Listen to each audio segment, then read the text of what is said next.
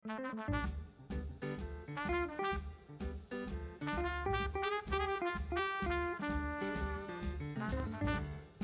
selamat jumpa kembali pada podcast Ini Koper. Inspirasi untuk komunitas perubahan. Saya Dani Wahyu Menggoro dari Inspirasi Tanpa Batas. Kami di Ini Koper senantiasa membahas hal-hal yang kaitannya dengan peningkatan kapasitas bagi para change maker atau para pembaharu sosial. Salah satu keterampilan yang saya tekuni itu adalah keterampilan bagaimana kita menjadi fasilitator yang keren. Untuk menjadi fasilitator, salah satu yang harus dipegang yaitu apa yang disebut dengan nilai-nilai dasar partisipatif. Jadi kadang dunia fasilitasi itu sangat dekat dengan apa yang sering disebut sebagai bagaimana kita menggunakan nilai-nilai dasar partisipasi itu untuk seluruh proses fasilitasi. Nah, keempat nilai ini itu sebenarnya juga mencerminkan proses yang harus dilalui oleh seorang fasilitator pada saat merancang, pada saat juga menjadi fasilitator pada pertemuan-pertemuan yang diampu. Ada empat nilai dasar yang saya selalu menjadi pegangan dan ini sudah lama ya dari tahun 90-an itu senantiasa dipegang. Yang pertama yang saya tekankan itu adalah yang disebut full participation. Nah, nilai dasar ini menjadi sangat penting karena sering juga kita sebagai fasilitator abai. Kalau ada peserta diam, tidak mengganggu proses, maka sudah disebut sebagai berpartisipasi. Nah ini harus dihindari karena justru yang disebut full participation itu adalah bahwa semua peserta tanpa kecuali itu terlibat di dalam percakapan. Tidak ada yang diam. Jadi memang by design semua orang harus bicara. Karena itulah mengapa pertemuan itu dilakukan dan mengapa pertemuan itu mengundang peserta. Jadi peserta datang ke pertemuan yang memang ingin didengarkan pendapatnya bukan untuk hanya menonton. Itu yang pertama. Yang kedua, itu ada nilai yang juga menjadi sangat unik bagi dunia fasilitasi yang disebut mutual understanding.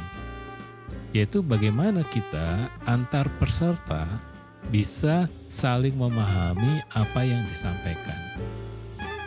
Nah, kadang fasilitator menyederhanakan prosesnya seolah-olah kalau ada dua kata yang ditulis oleh dua orang dan kata itu sama, maka otomatis pengertiannya sama, pemahamannya sama. Tidak bisa begitu. Karena itu ada tahapan yang namanya mutual understanding atau di dalam proses fasilitasi yang umum itu adalah tahapan mengurai. Mengurai setelah peserta berpartisipasi menyebutkan pernyataannya. Kemudian kan harus menjelaskan.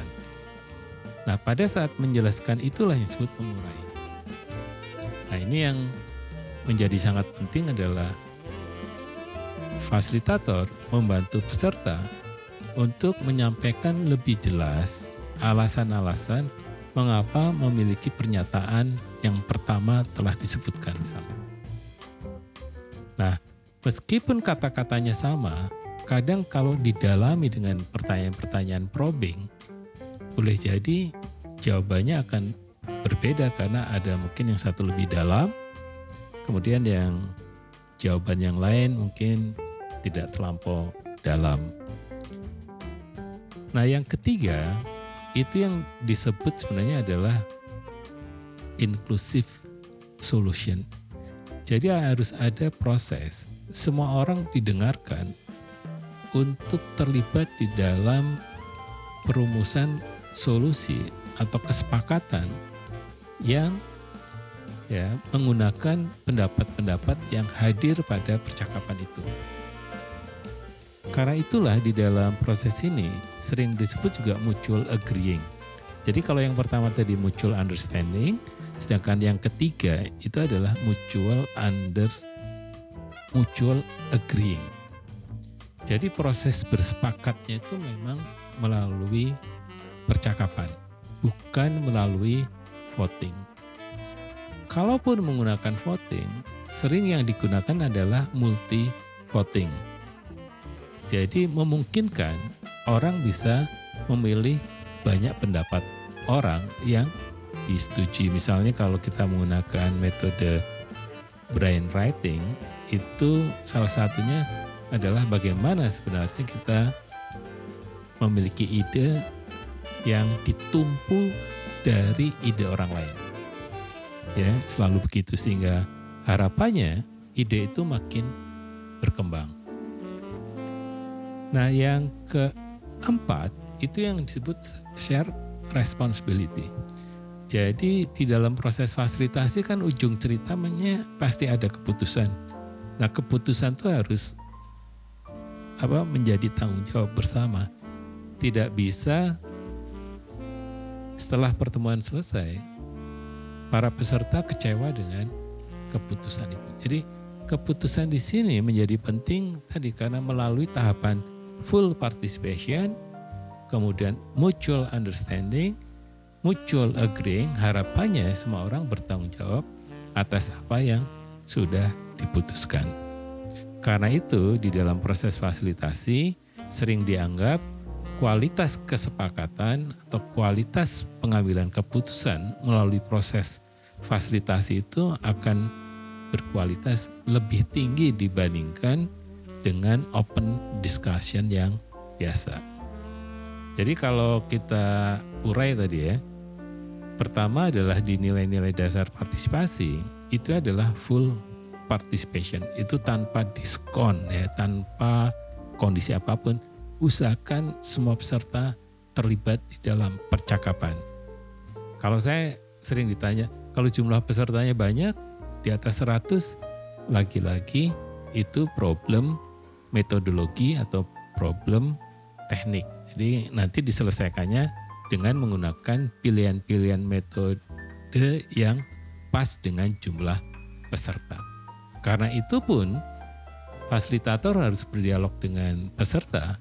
Ketika pesertanya begitu banyak, maka terus terang percakapannya tidak mungkin juga lebih dalam. Jadi lebih ya lebih umum lah ya. Karena pesertanya banyak sekali karena tidak mungkin juga dengan peserta yang lebih banyak kita membicarakan hal-hal yang sangat mendasar gitu atau dalam sekali. Nah, yang kedua tadi ya yang disebut dengan mutual understanding adalah fasilitator memberikan kesempatan kepada semua peserta, lagi-lagi ke semua peserta untuk menerangkan apa yang menjadi pernyataannya gitu. Karena pernyataan itu tidak memadai misalnya Ya misalnya saya ingin liburan ke Bali. Sebelah saya juga menyampaikan saya ingin liburan ke Bali. Apakah sama? Belum tentu. Selalu pertanyaannya apa yang ingin dilakukan di Bali? Boleh jadi saya shopping, kawan yang satu pengennya lebih naik gunung, kawan satunya lagi pengen di pantai, kawan yang lainnya lebih kuliner. Jadi belum tentu sama meskipun pernyataannya saya ingin berlibur atau pergi ke Bali. Tapi untuk apa? Banyak kemungkinan. Nah, yang ketiga yang disebut dengan inclusive solution adalah bahwa kita harus menata kriteria yang disepakati supaya tidak ada ide yang terbuang. Jadi ide itu berkembang ya. Ide itu diperkaya. Ide itu tidak dari awal pasti itu. Ide itu kawin mawin dengan ide orang lain sehingga muncul ide-ide baru di akhir sebuah proses fasilitasi. Jadi kadang ada mitos seolah-olah kalau ide itu sudah muncul di bagian pertama fasilitasi, itu akan hidup sampai pertemuan itu berakhir. Belum tentu seperti itu. Bisa jadi berbeda sama sekali dengan apa yang muncul di awal proses diskusi.